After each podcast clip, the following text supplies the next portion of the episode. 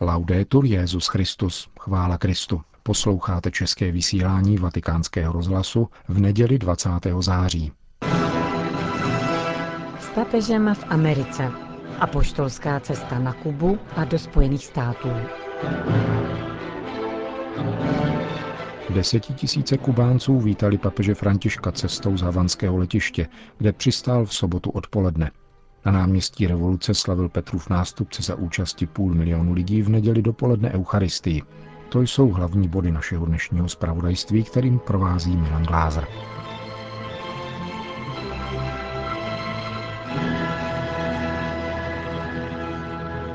Vřelým přijetím desetitisícovými zástupy lemujícími celou 18-kilometrovou trasu z letiště na Nunciaturu začala pastorační návštěva Petrova nástupce v hlavním městě Kuby. V půl jedenácté večer našeho času přistál po 12-hodinovém letu na havanském letišti letoun s papežem Františkem, který tento ostrov navštěvuje poprvé v životě, stejně jako vstoupí za tři dny poprvé na půdu Spojených států amerických. Nebývalé množství Kubánců, kteří se v sobotu odpoledne vydali pozdravit papeže, jedoucího jako obvykle v otevřeném voze, prozrazuje, že patrně nepřišli jenom katolíci, kteří tvoří asi 60% obyvatel tohoto ostrova. Na Kubě, která je o polovinu větší než území České republiky, žije 11,5 milionu lidí v politickém režimu tzv. reálného socialismu. Na havanském letišti nesoucím jméno Jose Martího, kubánského národního buditele a bojovníka za nezávislost ostrova z 19. století, se po 16. hodině tamnějšího času konala uvítací ceremonie. Papež František adresoval svůj pozdrav všem Kubáncům, včetně těch roztroušených po světě – Petrův nástupce zmínil letošní 80. výročí navázání nikdy nepřerušených diplomatických vztahů mezi Kubou a Svatým stolcem a řekl, že se ubírá ve stopách památných návštěv svých předchůdců svatého Jana Pavla II. a Benedikta XVI. Dnes tyto svazky spolupráce a přátelství obnovujeme, aby církev nadále provázela a povzbuzovala kubánský lid v jeho nadějích a námahách a to svobodně a za pomocí všech prostředků nezbytných k tomu, aby zvěst o království dosáhla až k existenciálním periferiím společnosti.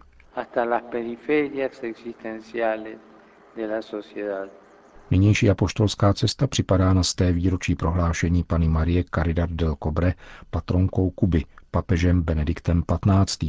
Stalo se tak na žádost vlastenců a veteránů války za nezávislost ve snaze založit svobodný a svrchovaný stát.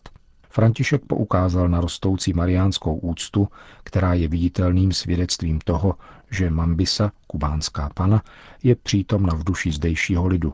Opatruje důstojnost lidí ve svízelných životních situacích a podporuje vše, co skýtá důstojnost lidské bytosti.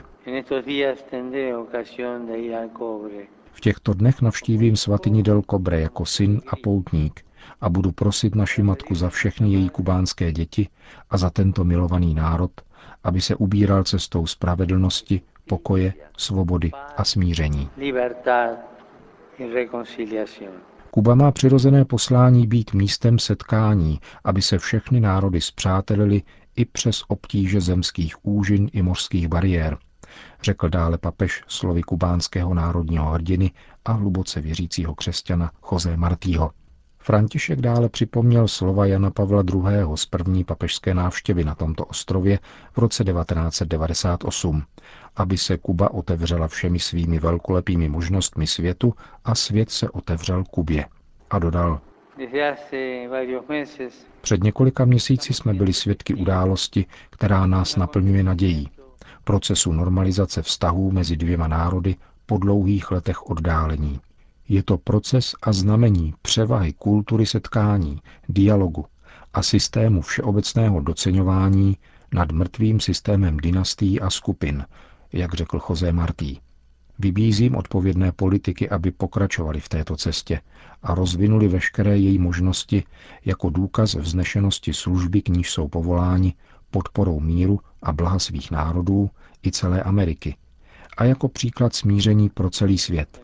Svět potřebuje smíření v této atmosféře rozkouskované třetí světové války, kterou prožíváme.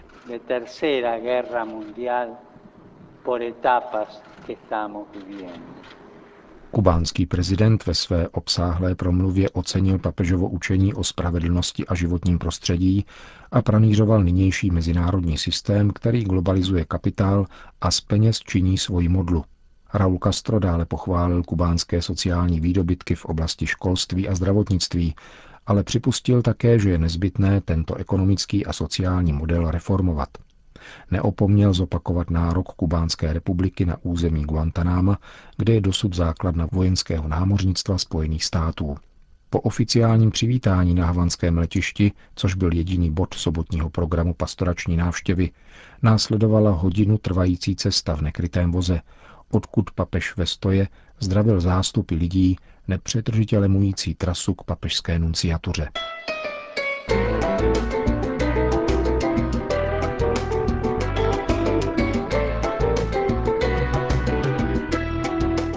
Na neděli byl připraven bohatý program. V 8 hodin ráno se papež v otevřeném voze opět pozdravován zástupy lidí vydal na 4 kilometry vzdálené náměstí revoluce. Tady jej čekalo přibližně půl milionu lidí, aby se účastnili Eucharistie, kterou Petrův nástupce slavil spolu s kubánskými biskupy a kněžími. Těsně přede mší, která začínala v 9 hodin, se papež setkal s představiteli nekatolických církevních společenství, ke kterým se na ostrově hlásí asi 3% obyvatel. Součástí bohoslužby bylo také první svaté přijímání, které papež podal deseti dětem z havanských farností. Nedělní liturgie se vyznačovala hlubokou účastí věřících i vytříbeným hudebním doprovodem. Papež František pronesl působivou homílii, kterou přinášíme v plném znění.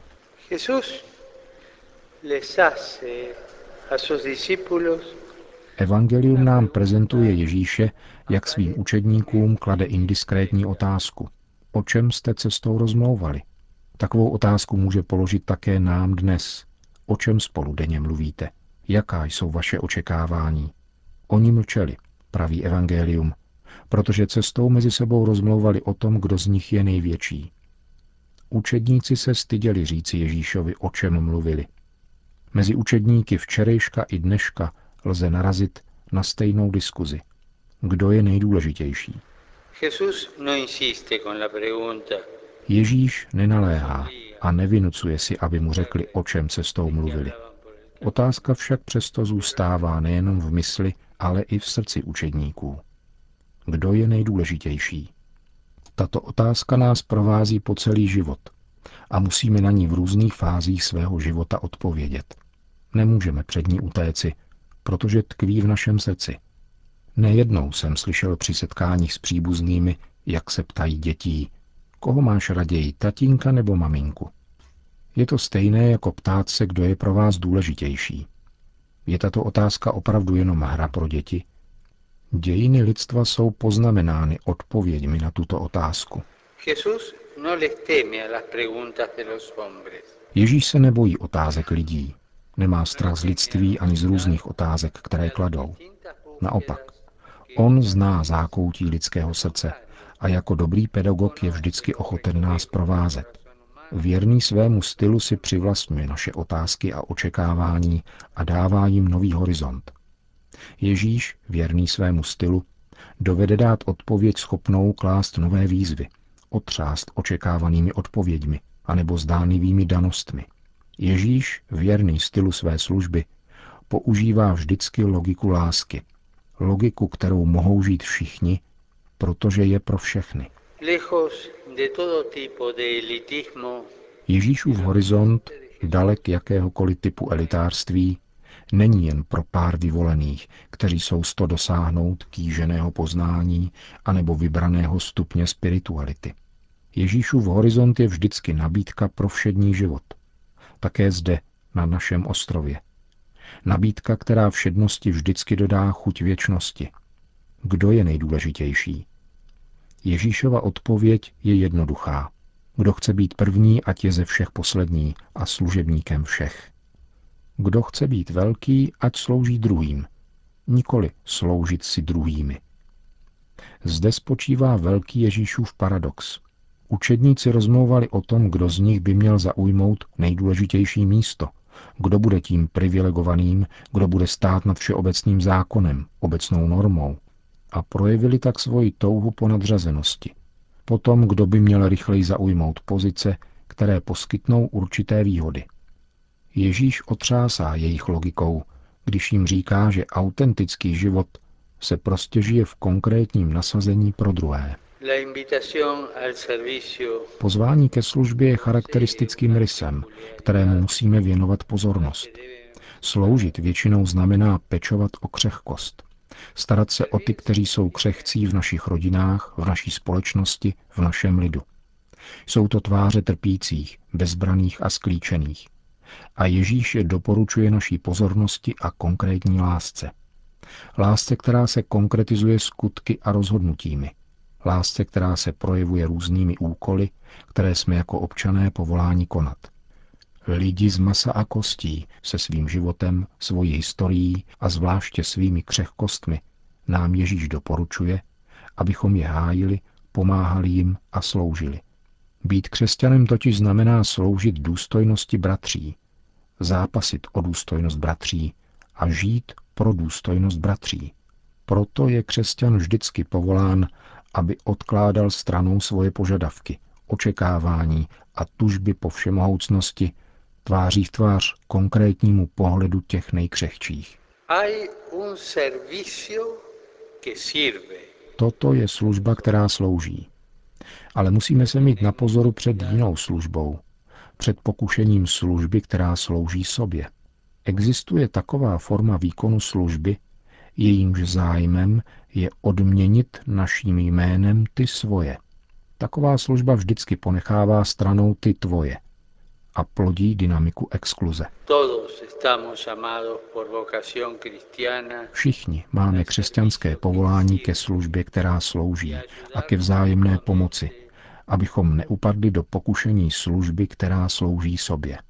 Všichni jsme povoláni pobídnutí Ježíšem snášet se navzájem z lásky. A to bez toho, že bychom se dívali kolem, abychom zjistili, co dělá či nedělá bližní. Ježíš nám říká, kdo chce být první, ať je ze všech poslední a služebníkem všech. Neříká, pokud tvůj bližní touží být první, ať slouží. Musíme se mít na pozoru před pohledem, který soudí, a povzbuzovat se ve víře v proměňující pohled, kterým nás oslovuje Ježíš. Ujímat se druhých z lásky nevede k podlézavosti. Naopak, staví bratra do středu. Služba se vždycky dívá bratrovi do tváře, dotýká se jeho těla, cítí jeho blízkost, někdy až do té míry, že jí trpí, a usiluje o jeho povznesení. Z tohoto důvodu není služba nikdy ideologická, poněvadž neslouží idejím, ale lidem. Svatý boží lid, žijící na Kubě, má rád slavnosti, přátelství a krásu. Je to lid, který putuje, zpívá a chválí.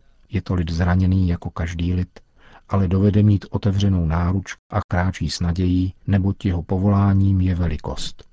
Vybízím vás dnes, abyste opatrovali toto povolání a pečovali o tyto dary, které jste obdrželi od Boha, avšak zejména vás chci vybídnout, abyste se starali a pečovali o křehkost svých bratří.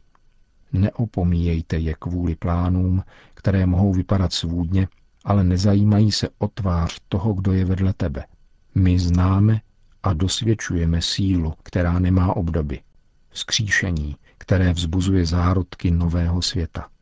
Nezapomínejme dnes na tuto dobrou zvěst.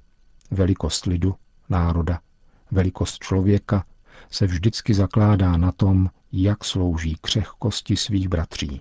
V tom nalézáme jeden z plodů pravého lidství.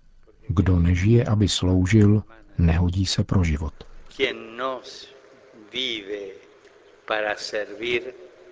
No to byla homílie papeže Františka. V závěru bohoslužby na zaplněném havanském náměstí revoluce papež všem přítomným požehnal. K odpolednímu nedělnímu programu papežovy návštěvy se vrátíme v našem pondělním pořadu.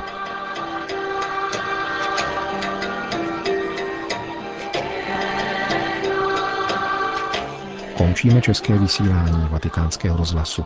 Chvála Kristu, laudetur Jezus Christus.